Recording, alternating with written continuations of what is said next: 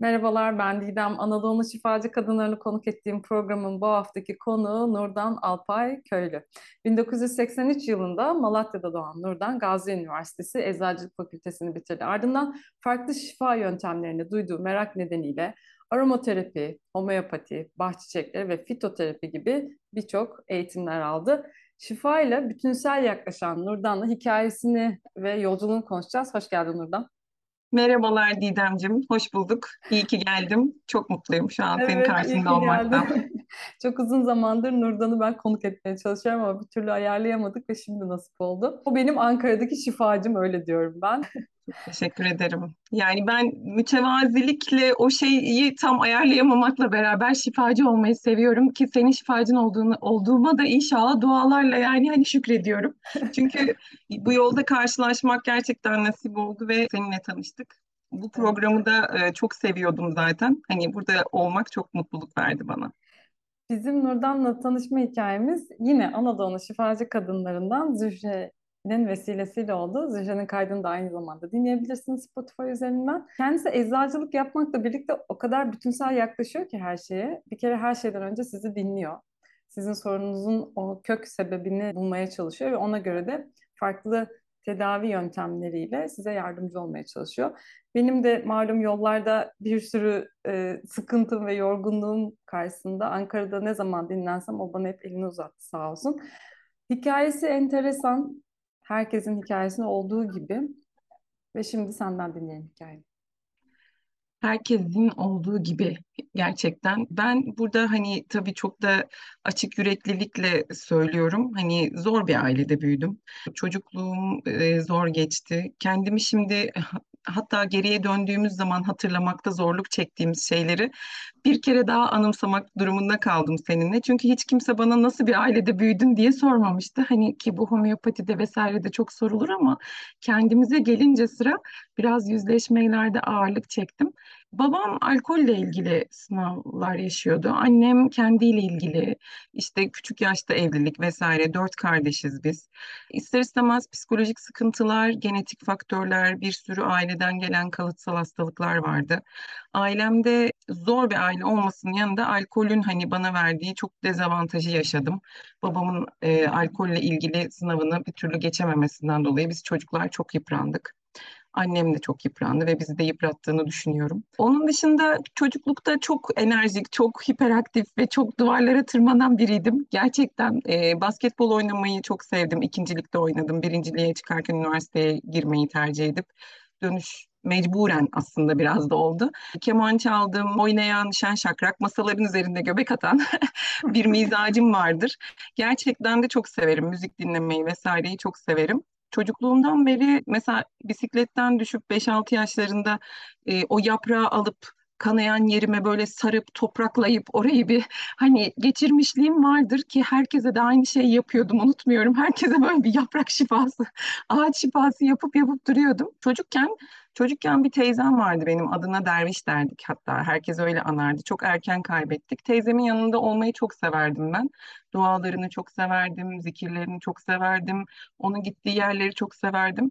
Bana da çok iyi gelirdi zaten. Biz e, bir gün gittiğimizde e, yine böyle bir yere bana demişlerdi ki sen o kadar farklısın ki hani ışıl ışılsın ama sabrın yok. Gerçekten hani o gün küçücük bir çocuğa söylenebilecek bir şey miydi acaba bilmiyorum ama bana sabrımla ilgili sınandığımı, gerçekten sabırsız olduğumu söylemişlerdi. Öyle bir çocuktum. Ciddi kitaplar okudu, okumaya, işte üniversiteye daha girmeden e, gerçekten çocuk denebilecek yaşta ki babam, annem hani o bilince sahip değildi maalesef. Hani burada tabii kırılacaklarını da düşünerekten kesiyorum ama gidip e, kitaplara sardığım çok olmuştur. Hani özellikle böyle komşunun e, çocuğu işte üniversitede okuyordu Boğaziçi'nde hiç unutmuyorum onun kitaplarına, ruhani kitaplara, reenkarnasyon vesaire gibi kitaplara çok böyle ilgim vardı. Yani gerçekten okumayı çok seviyordum. Özellikle psikolojik kitapları çok seviyordum. Hani kalın kalın kitapları deviriyordum ama sonuçta hi, yani hiçbir şey algılayamadan bile e, anlamadan bile okuduğumu hatırlıyorum. Ya hiçbir şey anlamıyordum aslında o yaşta ortaokulda ne anlayabilirsiniz? Sonra namaz kılmayı merak ettim. Namaz nasıldır Burada dedim. şey soracağım Evde hani ailede var mıydı böyle bir yok yok. yok. Yani ama belki teyzemin tabii ki etkisi olmuştur bende, bende. Yani onların hani inancıyla beraber yükselişini gördüğüm, hani manevi olarak iyileşme, hani bir gerçekten bu kadar acıya derde ki eşini çok yakın yani böyle erken zamanda kaybetti, çok çocuklarıyla mücadele ediyordu falan.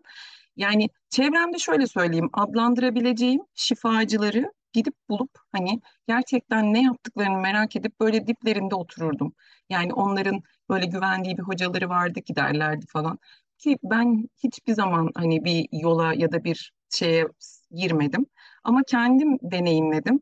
Eve gelip böyle küçücük yaşta hani ben artık böyle yapmayı düşünüyorum deyip hani dua bile bilmeden kalkıp işte okulda öğrendiklerimizi de yapmaya başladım. Evde ilk kez namaz kılanlardan biriydim ben yani. Hı hı. Sonra böyle değişik totemlerim olurdu. İşte e, ruhani gene yani böyle sabaha karşı uyanmak, işte tuvalete giderken şöyle yapmak, buradan geçerken böyle ama takıntı seviyesinde değil de gerçekten totem diyebileceğimiz iyi şeyleri çağırmak, niyet Hı etmek. hı. Niyetlerim olurdu yani rüyalarım çünkü olurdu. Rüyalarda gördükçe gördükçe böyle kendi içime sindirirdim. Hani çok kabuslar da gördüm, çok açılımlar da yaşadım. Çocukken de çok çok açılımlar yaşadım. Yani boyut değiştirilen rüyalar, hakikaten boyutun, rüyanın içinde rüya, rüyanın içinde rüya, rüyanın içinde rüya ve uyanamadığım anlar olmuştu. Peki burada Öyle. şey soracağım hani ailenle paylaşabiliyor muydun bu yaşadıklarını ya da paylaştığın birileri var mıydı mesela teyzen gibi ve yaşarken hani bir korku hissediyor muydun? Tabii ki. Yani yolculukta şöyle bir şey vardı. Mesela ortaokul yılları değil ama 15 yaşında bir kampta, e, basketbol kampında şehir dışındayız. Aslında deniz var, güzel. Mersin'deyiz. Böyle hani kampa gitmişiz. Çok güzel şeyler yaşıyoruz. İşte denize giriyoruz, çıkıyoruz, kızlarla oynuyoruz, ediyoruz. Ben o gece bir kötüleştim. Yani neden kötüleştiğimi mesela hiç bilmiyorum. Ama gözlerimi açamadım. İşte e, yani hani herkese göre işte bu karabasanlar şunlar bunlar ama ben gayet bilinçliydim. Ya o bilinç çok şükür bana verilmişti diye düşünüyorum ki bu kadar hani üst üste gelen şeyleri atlatabildim. Mesela o gün kendimi hissettiğimi çok iyi hatır. Hala onu hiç unutmuyorum yani ne et ne tırnak ne e, beden vardı. Hani sadece ruhumla hani o mekanda o kadar kalabalığın içinde neden huzursuzluğum var diye düşündüren bir şey vardı ve çözüm ara- arıyordum. Yani kendi kendime çözümler arıyordum. Arkadaşlarım vardı tabii destek olan çok sağ olsunlar hala da görüştüğümüz, çok sevdiğimiz, birlikte şifalandığımız insanlar vardı. Ondan sonrasında böyle adım adım ailemden almadım. Yani alamadım. Hani hı. ama ailem ailemin de bana belki bu acılarla katkısı olduğunu, yine de o merdiveni iteklediklerini ve çıktığımı düşünüyorum. Hı hı. O Peki burada şekilde. hani ailenle hani onların işte babanı ve anneni biraz anlattın ama senin ilişkin nasıldı? Yani mesela annenle bir yakınlığın var mıydı? Konuşabiliyor muydun? Hani babanla il- hı, iletişiminizin uzak olduğunu anlıyorum ama hı, hı hı. Orayı Yani tabii biraz daha ablam ablam var, abim var benim. Mesela ablamla daha yakındık. Gelirdim çılgın çılgın anlatırdım işte. Ya şundan hoşlandım, şunu da şöyle yaptım, bunu da böyle yaptım. Şöyle de basket oynadım, şu dersten şunu yaptım falan ama mesela annemin öyle bir zamanı olmadığı için annemin gerçekten benimle teması daha şeydir hani işte yapar eder, hani güçlüdür falan. Hani birazcık daha ben de yarım anne gibi hani devam ettim hayata. İyiyiz yani Hı hani e, şu hı. anda da iyiyiz ama hani o dönemi belki daha farklı geçirebilirdik. Hı hı. O kadar yani hani oradaki kısmı çok sorgulamayı çoktan bıraktım belki o yüzden hatırlamıyorum. Eczacılığı peki bilerek ve isteyerek mi seçtin? Eczacılıktan önce hava harp okulunu kazanmıştım aslında. Ya. Pilotluğu istiyordum. Rüyalarımda hep uçardım, uçmayı görürdüm. Zaten benim homeopatik remedim yani bu homeopatide olan şey zaten rüyaları çok çıkar, rüyalar görür, rüyalarda yaşar vesaire vesaire. Benim yapısalım yani yapımda bu vardı ve ben hani mutlaka pilot olmalıyım diye düşünüyordum. Sonra itaat edemediğimi düşündüm. Yani tam mülakat anında İstanbul'a gidemedim. Yani ben çok itaatkar biri değilim. Yani bana biri söylediğinde ya da bana bir şey ben içselleştiremiyorsam oradan çıkıp gidesim geliyor ya da oradan bir sıyrılasım geliyor. Bunu yapamadım ama yıllar sonra hipnoz seanslarımda da gördüm ki ben geçmiş yaşamlarında hep havada yaşayan, uçarak işte seyahat eden bir pilot, bir askeri bir şeyler falan. Yani bir sürü şey olmuşum, taşıyıcı olmuşum. Genelde taşımışım, hep taşımışım. Hı hı. Ondan sonra hatta benim sırtımda bir şey vardır yani sıkıntı var. O doğuşsal bir hani yara, doğuşsal bir sıkıntı. İşte hatta böyle sana sesli mesajımda da söylemişimdir. Belki şamanizmde işte kartal, hep, kartal rüyaları, kartalın beni bir yere götürdüğü. Kolumda kartal lekesi var benim hani sağ kolumda. Bildiğiniz kartal, simsiyah bir kartal doğum lekesi var. Yani ben bunları tabii ki daha sonrasında hani anlamlandırdım. Ama çocukken de durup durup kartala bakıp gerçekten gökyüzüne bakıp kendi kendime imgeleyip kendi kendime hayaller içinde olup onu gerçekleştirmeye çalışıyordum. Hep pozitifti. Eczacılığı da gerçekten son tercihimdi ama hani böyle çok isteyerek bilinçli mi? Değil ama kesinlikle benim lisedeki hocam mesela şöyle demişti bana yazdırırken senden harika bir eczacı olur.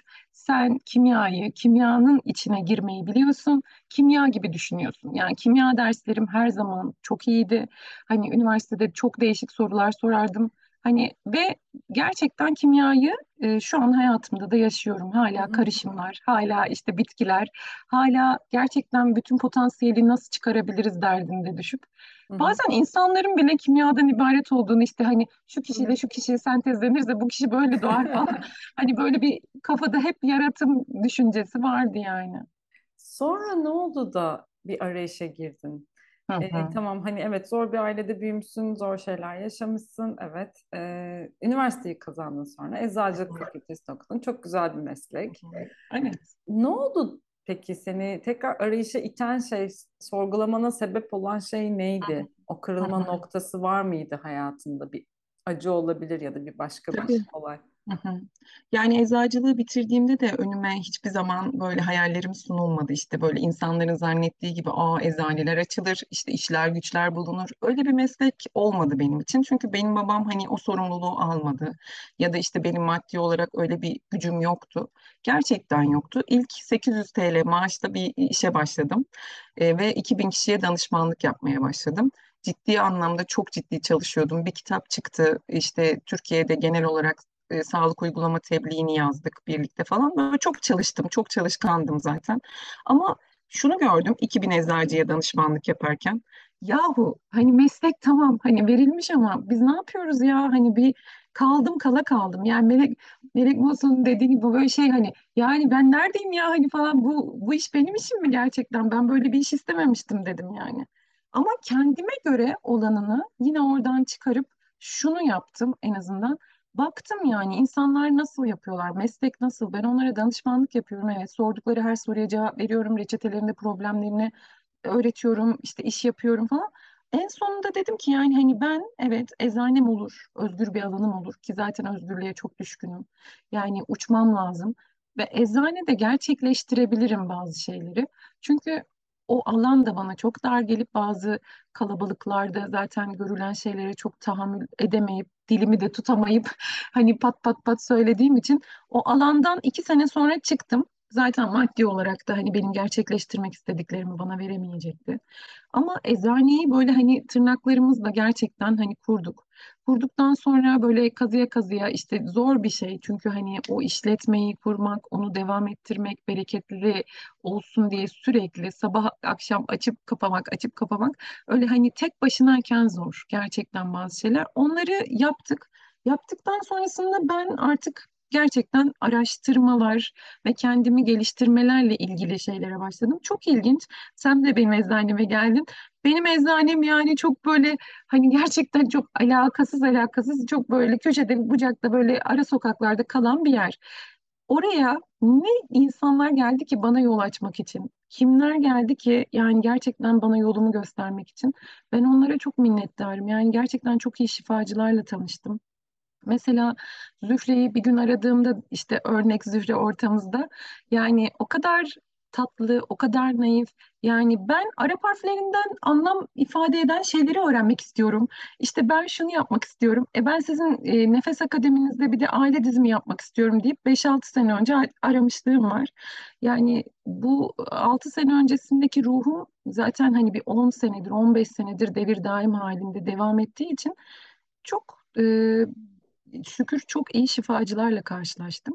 Hani onlar da bana hep kol kanat gerdiler, hep öğrettiler. Her zaman da şunu dediler, bir yapan vardır, öğrenip yapan, uygulayan. Bir de yani dinleyen vardır. Sen yapansın, hani yapabilirsin, yapacaksın, yaratımlara devam edeceksin. Karşındaki insanlarla gerçekten empati yeteneği fazla gerçekten biraz galiba. Empatiyle beraber maalesef o sempatiyi bazen ayarlayamasam bile hislerim, hani kalben hissettiğim şeyler ve doğan şeyler fazla. Onları da işte arındırarak, temizleyerek karşısındakine gerçekten faydalı olabilecek şekilde yönlendirmeye çalışıyorum, Senin öğrenerek. neydi peki tetikleyen bu yola? Yani aile dizimi olsun, nefes seansı olsun. Yani bu tarz e, hı. şifa yöntemlerine seni yönelten neydi? Neyi fark ettin kendinde de bir arayışa girdin? hı hı. Tabii daralmak hani o Neydi darlık o daralma? göğsüne göğsüne inen hani herkesin de yaşadığı hani kalbinin sıkışmasıyla beraber o göğsün sıkışmasıyla beraber bu sıkışıklığı geçirebilecek tek şey gerçekten açılım yaşayabilmek. O açılımları yaşamak için de illa ki hepimizin yardıma ihtiyaçları oluyor. Ben bunu her sıkışıklıkta gitmedim birine tabii ki. Yani her sıkışıklıkta işte şunu yaptım, bunu yaptım, böyle iyileştim diyemem ama yani giderken hep bir göğüs daralması, kafes daralması ve inşirahı yaşamak için gittim. Yani inşirah Sebebi, duygusu için sebebini gittim. biliyor muydun peki o göğüs sıkışmasının? Çünkü e, hepimizde bu var. Benim de böyle başladı. O hep diyordum göğsüme öküz oturmuş gibi diyordum. Hatta dün bir arkadaşımla sohbet ederken nefes alamıyorum, göğsümde bir ağırlık var. Hı. sence o ağırlığın sebebi ne? Senin için neydi en azından? Yani benim için aslında ben ben olabilmek için çıkıyorsun ama iradeyle hani Anka'nın hani ısrarla yaşadıklarını hani Simurg hani hepimiz zaten öyleyiz bence. Yan yana gelebiliyorsak eğer aynı frekansta birbirimize bir şekilde dokunabiliyorsak bunun e, bir sebebi var. Yani hani birbirimizle yolda temas etmeden zaten hani iyileşme şansın yok. O aynı sıkıntılardan geçen kişilerin seninle teması olacak ki Hani o olduktan sonrasında yolda sen de gideceksin, o da gidecek. Ve birbirini görmen lazım. Bunu şöyle de anlatmıştı bir arkadaş. Yani kişi karşındakini ayna gibi görüyor ya. Hani zaten hani görüyor. Bunu ben e, irade düşüklüğünde yaşadım. Aşık olduğumda yaşadım. Neye aşık olduğumu bilmediğimde yaşadım. Hani cehaletimden yaşadım. Çoğu zaman cahil olduğumu ve gerçekten her şeyi bildiğimi düşündüm. Bildiğimi düşünerek cahildim çünkü. Evet. İnançsızlığımı gördüm. Hani doğru düzgün inanamadığımı gördüm. Neden inanamadığımı sorguladım. Hani bunu sorgularken her seferinde kamçılar, işte sıkıntılar gerçekten hem sırtımdan hem kalbimden saplandı. Yalnız kaldım. Çoğu zaman yalnızdım. Hani yalnızlığı gerçekten e, çoğu kalabalıklarda da yaşadım. Çok insan vardı çevremde ama şu an anlıyorum ki hiç kimse yoktu. Sonrasında hani diyor ya benlik, ben bilinci, hani öz saygı, özgüven. Daha henüz o kısımdayım. Henüz orada kaldım. O ben duygusuyla kalkıyorum. Ben duygusuyla yatıyorum ama o bene ulaşamıyorum. Hani bazen o ben olabilmek için karşıma çıkan hastalarımı, danışanlarımı şifalandırmam gerektiğini, bugün yazan beş kişiyi arayan işte üç kişi ise her neyse elimden gelen neyse yapıp hani hizmetimi sunmam gerektiğini anladım. Ben bu dönemde mesela şöyleydim hep. Yani herkes bununla bazen alay da etmişlikleri vardır. Yani ben de hani böyle ana gibisin. Hep anasın. Hani hep anne, hani annelik duygusu. Herkese kapını açıp, herkese yolunu açıp, herkese gerçekten sofranı açıyorsun.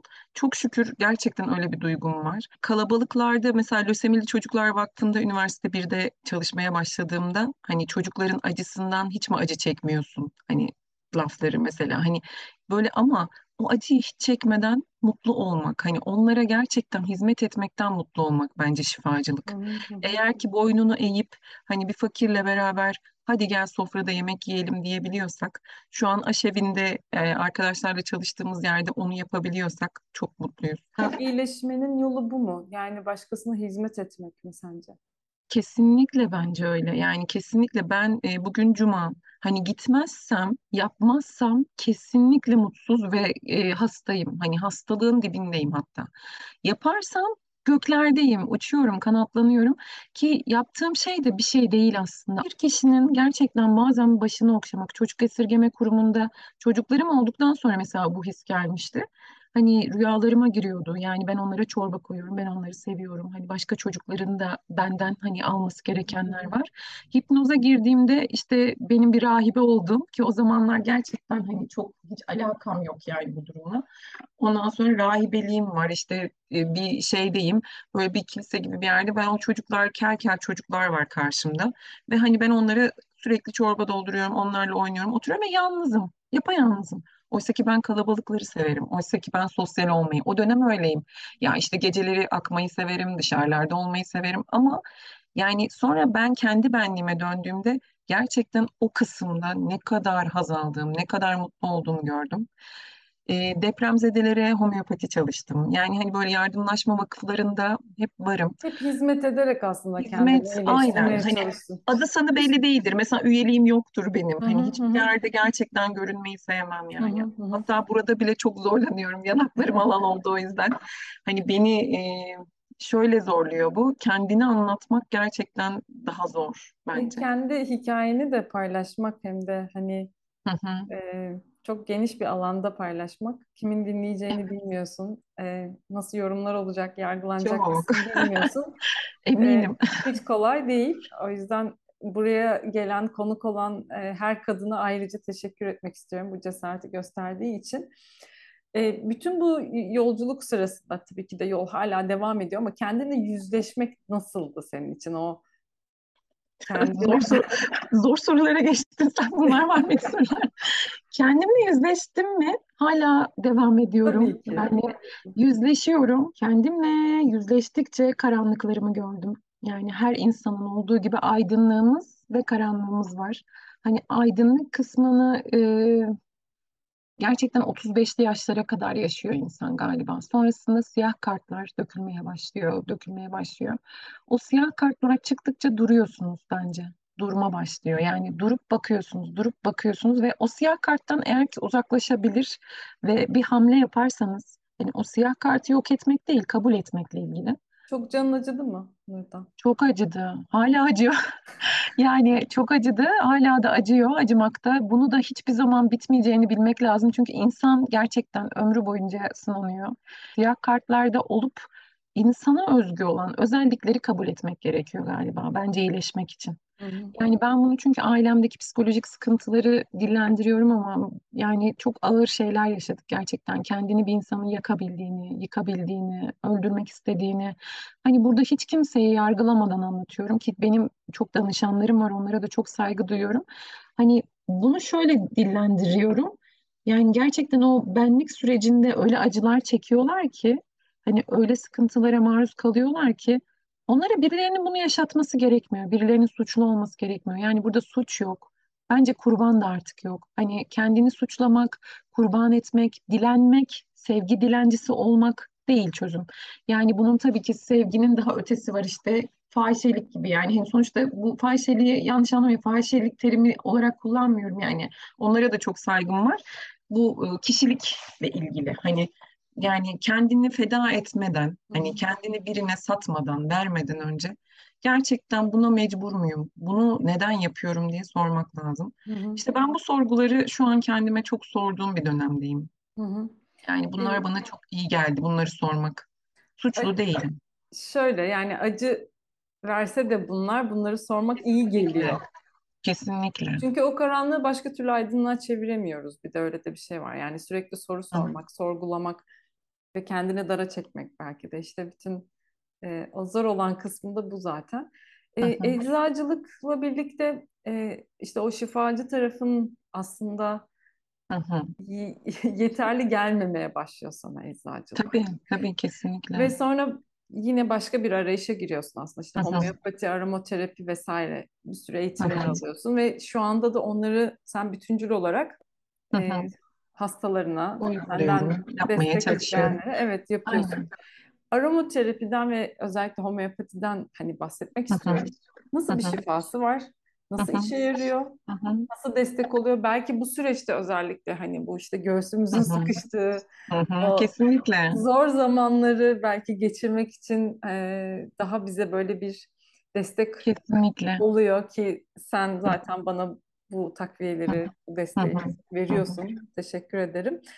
Biraz onları anlatır mısın? Aromaterapiden başlayabiliriz Şimdi mesela. mesela aromaterapi e, 6000 yılı geçmiş bir geçmişi var. Yani hani Mısırlılardan gelen hani ta böyle e, gerçekten çok eski e, zamanlara dayanıyor. Çünkü bir kokunun bize neler katabileceğini, neler yapabileceğini biliyoruz. Hani Peygamber Efendimizin dediği gibi koku kadın ve hani namaz bana lütfedildi. Hı. Hani burada koku çok önemli. Hani Covid olduğumuzda işte anladık ki koku kaybı ne kadar zulümmüş insana.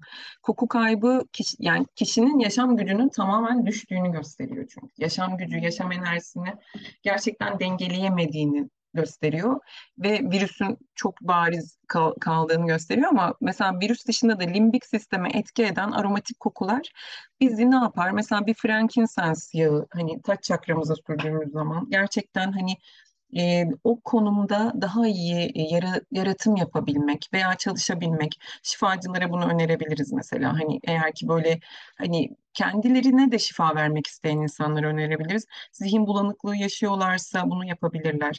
İşte mesela göğüs göğüs için siyah e, bu e, mavi papatya diye geçiyor. Siyah bir yağdır aslında. E, Japonya'da da bunu uyguluyorlar. Akupunktur noktalarına e, özellikle uyguladıkları zaman virüsün etkileri, hastalığın etkilerinden kurtuluyor. Yani bedene de şifa alıyor. Biz sadece ruhani gibi görünüyoruz ama bizim zaten ruhumuz, bedenimiz ve zihnimiz hepsi aynı bir dengede ve olmalı. Yani bedenle çalışmak o anlamda çok kıymetli. Çok. Yani beden hareket ederse ruh hareket ediyor zaten. Hani zihin e, konumlandırıyor her şeyi ve üçünü bir arada tutup o zaman şifayı bulabiliyoruz. Aromaterapide gerçekten e, sedefler, egzamalar, biz bir sürü deri hastalıkları hep herkes dışarıdan gibi düşünüyor ama inanın orada mesela bir koklama formülü, yani mutlaka koklayıcı bir şey yapmadan mesela otizmli çocukların konuştuğunu konuşmalarının düzeldiğini gördük. İşte burada mesela bu kaç yıldır, 10 yıldır benim hani tecrübe ettiğim bir şey. Yani stresli, gergin insanlar. Benim kendi çocuklarım bile arabada bağırıp bağırıp çağırıyorlarsa benim arabada bir kokum var. Hani onu sürüyorum. Artık onları bağırıp çağırmanın bir faydası olmadığını çoktan öğrendim zaten. Yani hani hiçbir anlamı yok. Benim bağırmam, çağırmam. Ben onları zorlamam. Hani yapıyor muyum? Tabii ki gene yapıyorum. Bazen yapıyorum ama yani sonuçta benimle alakalı bir şey var ki ben onu biliyorsam onu kalkıp sürdüğümde hastalarım da aynı şeyi söylüyor. Yapıyoruz sen mesela o kokuyu sürüyorsun ve hani e, Evet, o susuyorlar. sakinliği ha, onlar susuyor. diye susuyorlar gerçek. Ben sakinlemiyorum ya. Ben de sakinliyorumdur tabii ki o esnada. Tabii ki hani şöyle ben bana çok ben zaten o bilgiyi bildiğim için biraz da yani bekliyorum. Ben bekleme aşamasındayım. Ki zaten tabii anneler de sakin olursa çocuklar anca sakinleşiyor ama ya o e, ekseni hani korumaya çalışıyorum diyelim. Homeopatiyi de mesela oğlum işte hani e, Homeopatiyi bir biraz beri biraz ilaç an- onu detaylı anlatalım. Evet evet yani nedir homeopati ne? Nasıl işliyor? Homeopati? Ee, Evet. Şu an çok böyle e, fanatikleri var hatta öğrenmek isteyen bir hani çok yandan da anlattığım karşıtlar da var. Karşıtları da var her evet. zaman olduğu gibi. Yani dünyada aslında fitoterapiden sonra en yaygın tamamlayıcı tıp tekniği. Çünkü kolay, basit ve ucuz. Artı bunun yan etkisi yok aslında. Gerçekten çözülmesi, e, hazırlanması ben birebir eczacılıkta hani buna şahit olduğum için ki çok ilaçları da deneyimlediğimiz için, yaptığımız için homeopatik ilaç yapımında kullandığımız madde saf bir madde. Yani e, anne sütü remedisi var. Anne sütü remedisi depresyona çok iyi geliyor ve anne sütüyle ilgili bütün kaygıları, sıkıntıları kadına da çocuğa da faydası olabilecek şeyler. Hatta yetişkin bir adama anne sütüyle ilgili problem yaşamışsa ve geçmişinde gerçekten bağlanmakla ilgili problemleri varsa, hayata taşıyorsa fayda ediyor. Bu benzerin benzere iyi gelmesi. Bu bitki olabilir, hayvan olabilir, mineral alemi olabilir. Yani her şey olabilir. Suyun bile remedisi var dünyada. Hani aqua remedisi var. Hı.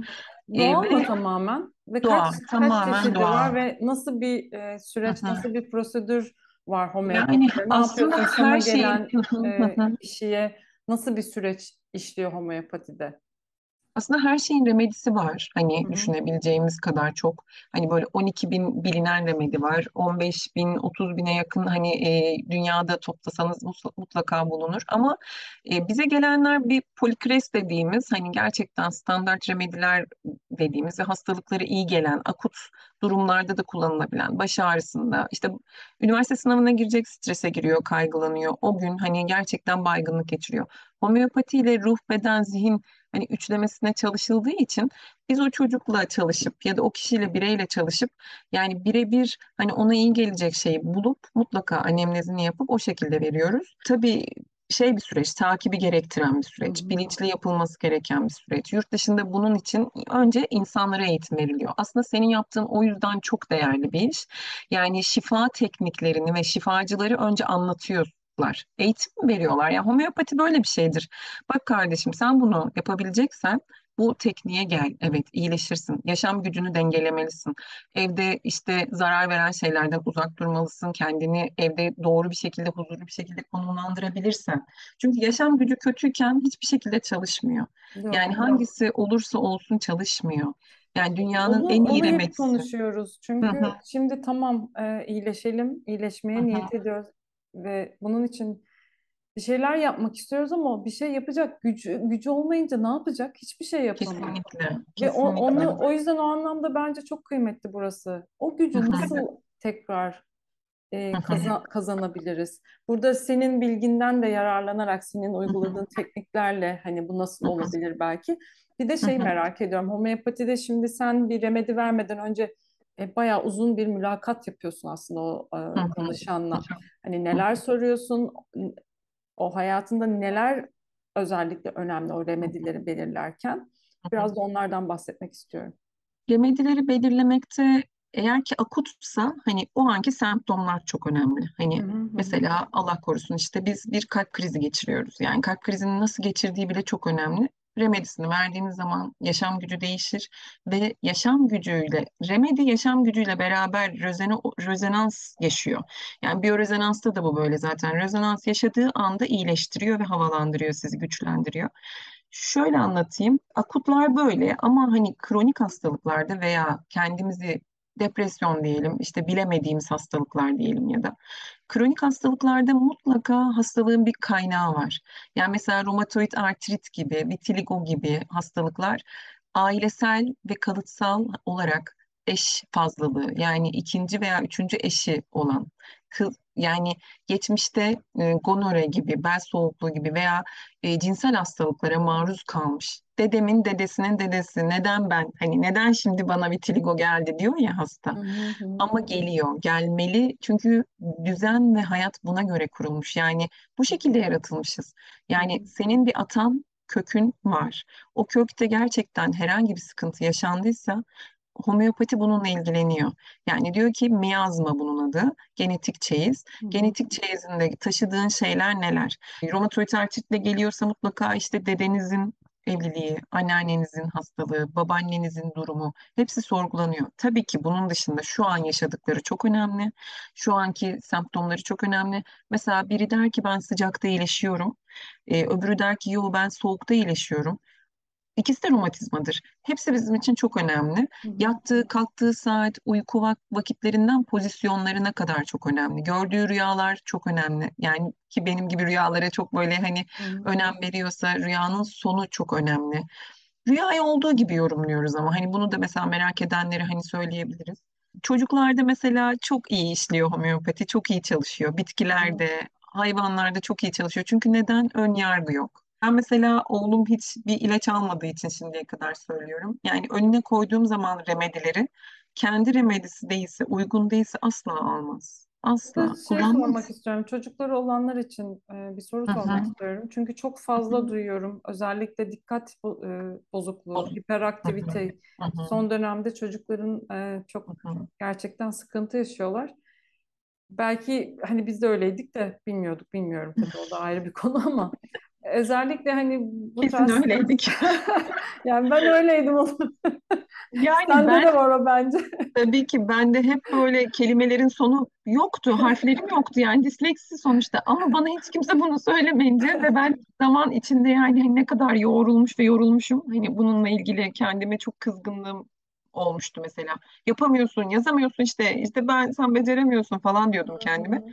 Bu dikkat eksikliğinin araştırmalara göre aslında sebeplerinden biri tabii ki ekran bağımlılıkları ve hani mavi ekran ve Covid döneminde çocukların yaşadığı yalnızlık duygusu artı hani e, gerçekten ne kadar da ebeveynler sağlam olsa da eksik kalabiliyor. Anne ve babanın ilişkisi yani babanın özellikle güç e, ve güvenle ilgili mesela dikkat eksikliğinde genelde çocuklarda eğer ki ilaç kullanımı varsa gerçekten babalarla temasının bir daha sorgulanması gerekiyor. Annenin kaygı seviyesini tekrar sorgulamak gerekiyor ve ben önce anne ve babaya remedi veriyorum. Anne ve babaya homeopati uyguluyorum ve daha sonrasında çocuk için bahçe çiçekleri var. Çok güzel, düzlemi çok hafif, basit böyle e, sağlam e, sağıyor geçmişle ilgili şeyleri. Ama şu an Odaklanmalarına yardımcı oluyor tabii mu? Hı hı. kesinlikle yani bir mustart var ki belirsiz korkular ve depresyon hani neden bu kadar sıkıntıya girdiğini bilmiyor çocuk. hı. Var ki başaramama korkusu, yapamama, sürekli yapamıyor. Yani gibi gibi bilgelikle ilgili ama içine kapanmış. Mesela bazı çocuklar gerçekten bilgeler ama o kadar içine kapanmış ki toprağın altındaki bir cevher gibi çıkmayı Ve bekliyor. Nurdan çok da sık duyuyorum ileri zeka. Şu anda ve nasıl e, aileler bu çocuklarla ne yapacaklarını bilemiyorlar. Çünkü Eğitim buna sistemi. uygun eğitim Hı hı, sistemimiz maalesef yeterli değil. Ve çoğu arkadaşımın çocuğu maalesef ilaç kullanmak zorunda kaldı. hı Ve hani çocuklar çok mutsuzlar.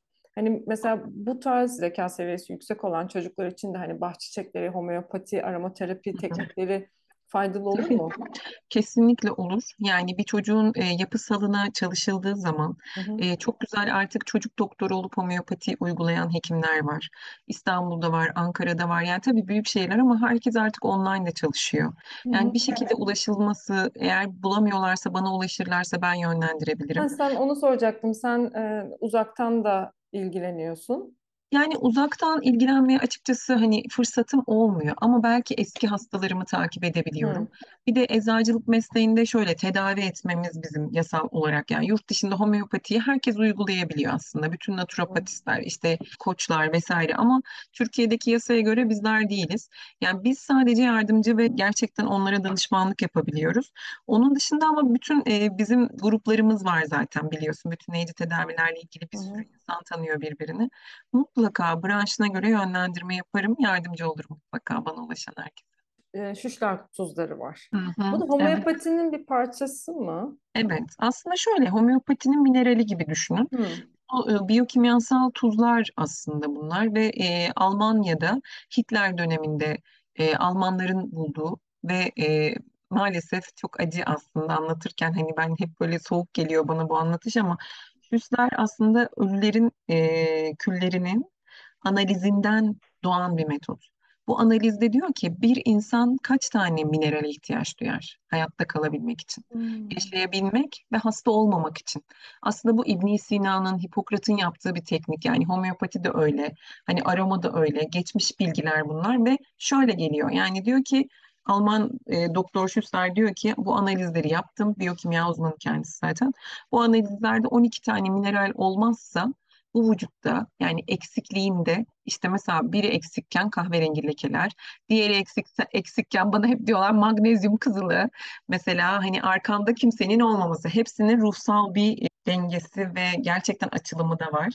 O yüzden homeopatik hazırlanmış. O yüzden hücreye giriş şeklinde hazırlanmış ama e, biz ona potans diyoruz. Fiziksel bedene etki edebilecek potans yani güçte. Homeopati çünkü biraz daha zihin gücünde, enerji bedenine çalıştığı güçlerde falan farklı potansiyelleri var. Farklı çalışma şekilleri var homeopatide. Bunu e, Schuster'de D6 potansiyel yani fiziğe de etki edebilecek şekilde yapmışlar ve biz de bunu Türkiye'de yaptık. Çok şükür hani ben üretiminde birebir çalıştım ve sana da hani verdiğim minerallerde etkisini gördüğüne yüzde yüz inanıyorum. Şu an Evet. yüzümde gerçekten çok güzel allar pullar açılmış güzel güzel olmuşsun. Zaten de öyleydin ama hani o yorgunluk, halsizlik ve hastalık döneminde eksilen mineraller var ya hepimizde oluyor. Yani yüzümün rengi değişti. Ya çok şükür evet çok güzel olmuş. Bugün mesela bu kadar kızarmamın sebebi işte uykusuzluk, baskı, evde atak geçiren bir durum vesaire vesaire ama kendimi tabii ki zorluyorum. Hala zorluyorum. Yalnız ve tek başına bunu yapmak zorundasın. Aslında belki zorlamasam bu kadar kızarmayacağım. Bu kadar akışa e, da dönmeyeceğim, ısınmayacağım ama ben de ateş ateşim. Yapacak bir şey yok. Ateş topu gibiyim. Yani yüz analiziyle bulunuyor şüsler. şimdi onu söyleyecektim. Nasıl Yüz analizi yapıyoruz. Ee, yüz analizi yani o da çok enteresan geliyor bana. Yani yüzüne bakıp işte sende şu eksik, senin şuna ihtiyacın var demek bana çok Evet. hala Yani anlamıyorum ama çok büyüleniyorum bu arada. Kesinlikle. Ya aslında fizyonomi ve yüz analizi her zaman e, bilinen bir metot ama Schussler bunu farklı yapmış. Zerre doku tuzlarını yaparken de biz hani çok araştırdık, okuduk falan. Hani yaparken de şuna da dayanmış tabii ki. Bir maddenin yüzdeki ifadesi nasıldır? Yani bir kalsiyum ifadesi vardır. E, mumsu sarılıktır. Kalsiyum fosforikum çocuklarında en çok da mesela mumsu sarılık görülür. Hı hı. E, büyüme gelişme sıkıntısı yaşayabilirler, kansızlık olabilir, kolay yorulabilirler. Bedenen etkileri bunlar. E bir de ruhen etkileri var. Çocuk içeriden dışarı çıkmak istemez, dışarıdan içeri girmek istemez, zorlayabilir, içine kapalı olabilir vesaire. Böyle hani bedenen ve ruhen de bilinen tam nokta atışı yapabilirse de gerçekten minerallerin çok etkisi var. Güzel de sonuçlar alınıyor. Bunlara şöyle demişler, bu bir birincil tedavi şeklidir. Yani kolay bir metottur Hı hı. uygulanabilir metottur. Yani gerçekten şifalanmada e, basit, ucuz. Hani gerçekten hani kişinin kendi gidip e, eczaneden de temin edebileceği, alabileceği, yüz analizini yaptırdığı zaman bunda be- benim ne sorunum var ki acaba bu kadar kahverengi sarılığım var diyorlar ya. Mesela kahverengi lekeler oluşmaya başladığında bilin ki vücutta detoks ihtiyacı artmıştır deri enfeksiyonları vardır ya da vücutta kronik bir enfeksiyon geçirmişlik vardır. Hı. Bu tiroidit olabilir, başka problemler olabilir, hormonal sıkıntılar olabilir, doğum sonrası olabilir gibi. Bütün açılımlar için hani yine de bekleriz yani Instagram'dan da bakabilirler Zerre'ye. Orada çok açık. Bana yine özelden sormak isteyen, yüz analizi yaptırmak isteyenlere yapabiliyorum. Her Hı hı. zaman beklerim. Ve Ankara'da yaşayanlar da seni Ankara'da bulabilirler. yaşayanlar beni bulabilir. İnternet ortamında da yapabiliyorum bunu mesela. Bu çok kısa ve ö- yani kolay bir bilgi olduğu için hemen aktarabiliyorum. Şüsler bu şekilde bir yolculuk bizim için ve Türkiye'de ilk olmak, tek olmak, hani bunu yapanlardan biri olmak benim için de gurur verici bir şey. Hele de mesela şu an serebral palsili çocuklarda kullanılıyor zerre. Fizyoterapistlerimiz güven- güvenerek ben yoğun bakım ünitesindeki bir doktor arkadaş kullandığında ilk demiştim ki yani kalbim çarpa çarpa Türkiye'de ilk defa olduğu için hani nasıl kullanacaksınız işte şöyle kullanacaksınız böyle kullan- heyecanla bekledim ve sonucu gerçekten o kadar güzel geldi ki ondan sonrasında da şifacılığına hep şükrediyorsun. Yani iyi ki yapmışım, iyi ki olmuş diyorsun. Bundan daha ötesi yok gerçekten Didem. Yani beslenme noktan nedir dersen hakikaten övgüler falan değil. O kişinin yüzünde açan güller benim için yani. Bütün bu e, anlattığımız şifa yöntemleri doğal yöntemler değil mi? Yani herhangi bir kimyasal vesaire bah çiçeklerini de istersen biraz anlatalım. hı hı. E, o da çünkü çok güzel bir yöntem bence ve hani hem bitkilerde hem hayvanlarda, çocuklarda ve yetişkinlerde çok rahatlıkla kullanılabiliyor. Bir tek alkol e, biraz var belki hani hı hı. onu anlatabiliriz. Biraz da Şöyle aslında orada da yani sabah e, saatlerinde toplanan çiçekler bunlar. hmm. Yani İngiltere'de yapılmış. İlk zaten Doktor Ed, Doktor Edward Bach tarafından yapılmış ve 38 çiçeğin bilgisi sabitlenmiş. Enerji sistemi var, bir felsefesi var. Yani bunu Urla'da çalışan zaten hani çok ciddi şifacılar var. Eğer ki doğru bilgiyi kendine ait olanı bulursa ki buldurursa şifacı bunu düzenli kullanması tabii ki gene kendine kalmış. Mesela verip de kullanmayan da olabiliyor. Verip Hmm. aynı gün bitiren olabiliyor. 21 günlük kürü bir günde içip bitiren oluyor. Yani aslında her şey dengeden ibaret. Hani bir günde bitiren de içmeyen de yani kendinden sorumlu zaten. Bu tamamen kendi kendini iyileştirme metodu. Alkolle ilgili kısmı uçurulan bir alkol. Yani hani bunu buna çok takılmamak lazım gerçekten. Çünkü Hı hı. çiçeklerin hani çiçek özlerinin içindeki o bilgiyi almak için alkole veya gliserin gliserola ihtiyaç var. Yani hani onunla da yapan bir şekil var. Globül hali yani sabit hale dönüşme şekli var. Türkiye'de bunlar tabii ki çok kolay bulunamıyor zaten. Yurt dışından getiriyoruz hala maalesef. Hı hı. Ruhsatlandırma çalışmalarımız var, uğraşıyoruz. Türkiye'de olmalı bunlar diyoruz. Kişiler nasıl ulaşabilir? Yani özellikle zaten artık gerçekten in- internetten bulabiliyorlar ama bence kendilerine ait, kendilerine uygun şifacıyı bulmaları lazım. Yani e, çevrelerinde işte çok reklamı olana, çok şeyi olana değil de gidip bir görüp hani yaşamak lazım hı. bunu bence. Onun dışında da çiçeklerle ilgili 38 tane çiçeğin kişilik analizi var zaten hani birebir hani uygulaması var ama Evet. yani benim yaptığım bir metot var mesela e, ki bu dünyada kanıtlanmış bir şey zaten oradan eğitimini almıştık İngiltere'den gelen birinden. Yani mesela kişi kendi de seçebiliyor onda geçmişini, şu anını ve geleceğini ve hani gerçekten buna bak kartları deniyor. Hmm. Sistem bu şekilde de çalışabiliyor. Bir de Kişi şöyle bir şey galiba değil mi? Hani böyle soğan kabuğu gibi düşün. Hani kesinlikle hep katman katman yani o an anlık ihtiyacı neyse onu alıyor, bir süre kullanıyor ve sonra başka bir duygu çıkıyor ve ona özel bir şey kullanıyor gibi bir şey değil mi? Yani ben Kesinlikle. Yo çok doğru. 32 katman hani Hı hı, e, soğan kabuğu homeopatik olarak da bu şekilde bir tedavi yöntemi var zaten. hı, hı. E, evrensel tabakalar yöntemi var mesela ben onu da çok seviyorum. 7 katman kişinin birebir yaşadıkları. Yine hani bu 7 katman Anka'nın yaşadıklarının şifa olarak da dönüşmüş hali var. Remedileri var bunların. Remedi de çare demek bu arada. Hani homeopatik ilaçların adına remedi deniyor. Bu remediler sıra sıra kişinin katmanları açıldıkça verilebiliyor ve ben bunu deneyimledim kendimle gerçekten. Çok değişik sınavlardan geçebiliyor ve en sonunda işte o ben de ben kısmında takıldığımız yerde inşallah beni bulduğumuzda da bir bakmışız ki Simurg gibi 30 kişiyiz biz aslında yani biz az değiliz aslında. Kendini yalnız hissetmiyorsun aslında gibi. Bir düşünceyle şifalanmayı inşallah biz de buluruz şifayı gerçekten. Hani kendimizde de e, netleştiririz diye düşünüyorum. İnşallah. Peki yolda olanlara ne söylemek istersin? Yolda olanlar gerçekten her vakit hani ben hani bu kapanma hikayemi vesaireyi geçtik çok uzun sürdü konuşmalarımız ben çok dillendirdim diğer şeyleri ama kapanmamı çok merak ediyorlar. Çünkü ben çok açık saçık bir kadınken hani Allah Allah beyaz bikinisiyle gezerken neden böyle oldu ki? Hani biz bak meyhanede geziyorduk. E, etin ya masalarda göbek atıyorduk ki hala atıyorum aslında ama yani beni kimse zaten durduramaz. Yani bu benim çünkü. Hani ama çıplaklık duygusundan arınıp kendimi çıplak hissettiğimde, kapandığımda hani gerçekten o namaz duygusunda veya işte meditasyon denebilir buna, yoga denebilir, başka her şey denebilir.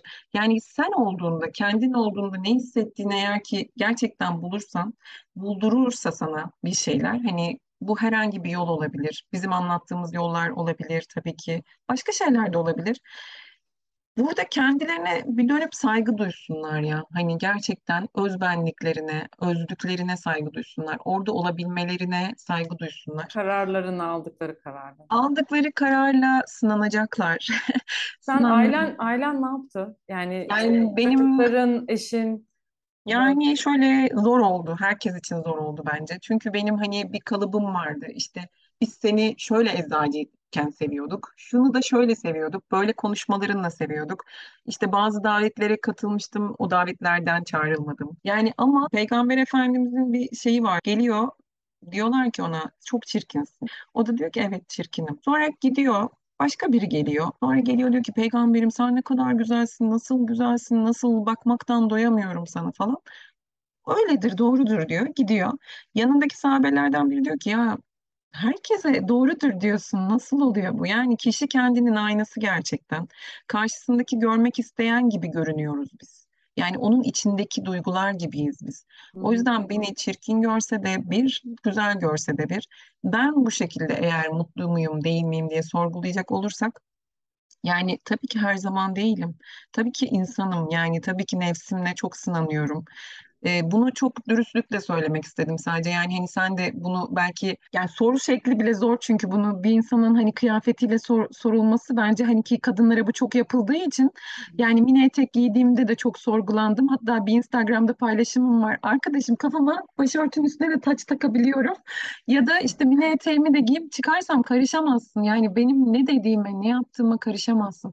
Çünkü şekil olarak inanın buna da karışıyorlar. Öbürüne de karışıyorlar. Yani şey. Yani şey çok enteresan. Hani sana açıl diyen insan sen mini mini etek giydiğinde de sana karışıyor. Yani o da çok Tabii acayip tabii, geliyor bana. tabii ki. Hani Yani açıl diye ısrar kesinlikle. ediyor sana. İşte böyle giyinme vesaire. Tamam hani istediğin gibi onlara göre açık saçık ama senin rahat ettiğin şekilde giyindiğin zaman da müthiş eleştiriliyorlar. Yani neye göre kime Ama göre kısmı bunu parantez içinde şöyle söyleyeyim. Mesela ben eril bir yani genelde erkeklerle de çok ticaret yaptığım için hani mesela bunu erkeklerden çok duymadım diyebilirim. Hah Yani onu diyecektim sana. erkekler bana her zaman çok daha saygılıydı bu konuda. Hı hı. Çok daha saygı ve sevgi dolulardı. Çok yakışmış diyen daha çok oldu. Kadınlardan daha çok oldu. Buna da şöyle bakıyorum. Gerçekten kendi nefsim olarak bakıyorum. Çünkü Hı ben o kadındaki nefsimi görmüyorum. Hani kendimi görmüyorum diyorum. Ve bunu düşündükçe bana iyi geliyor bu düşünce. Yani şöyle düşünebiliriz. Bu kapalılık değil de bir hastalık da olabilirdi. Yani bir kötü bir şeyse eğer yani hani bunu nasıl yaşadığına bağlı, nefsinle sınandığına bağlı ya ki kapalılık kesinlikle güzel bir duygu. Namazda olmak ve bu hisse kalıp girip istediğin ibadeti istediğin şekilde yapabilmek duygusu bana her zaman iyi geldi. Hı. E, bu e, şöyle tavsiye edebilirim. Yaşadığınız ne olursa olsun yani bir hastalık olabilir, bir duygu olabilir, bir çirkinlik olabilir, bir darbe olabilir. Hani bu duygu gerçekten sizin onu nasıl taşıdığınızla alakalı, sizin onu nasıl gördüğünüzle alakalı. Yani 3000 bin liraya geçinip kahkahalar atan ailelerle yani 300 bin liraya geçinemeyip yani kavgalar çıkaran aile. Hani hangisi olmak istediğine onlar karar versin.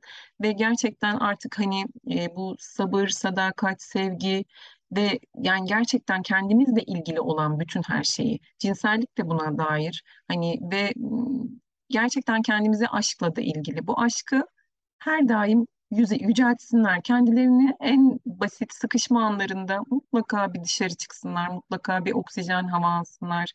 Yani hareket, hareket etsinler. Beden hareket ederse ruh eder yani kesinlikle. Bu benim sözüm değil bu arada. Bu bir galiba ünlü birinin sözüydü. O enerjiyi bulamazsa hareket etmek için ne yapacak? O zaman yardım istesin. Yani mutlaka yardım istesin. Ama buna dilenmesin. Kesinlikle kurban psikolojisiyle girmesin. O zaman yardımın gerçeği gelir. Hı. Gerçekten gelir. Hani kapı gerçekten o vakit açılıyor.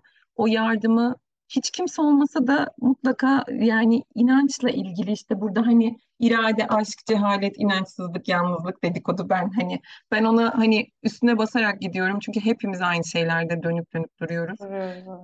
İnansın. Hani inanabilir. İnana, inanırsa kendisine zaten mutlaka hareket eder. Doğru söylüyorsun.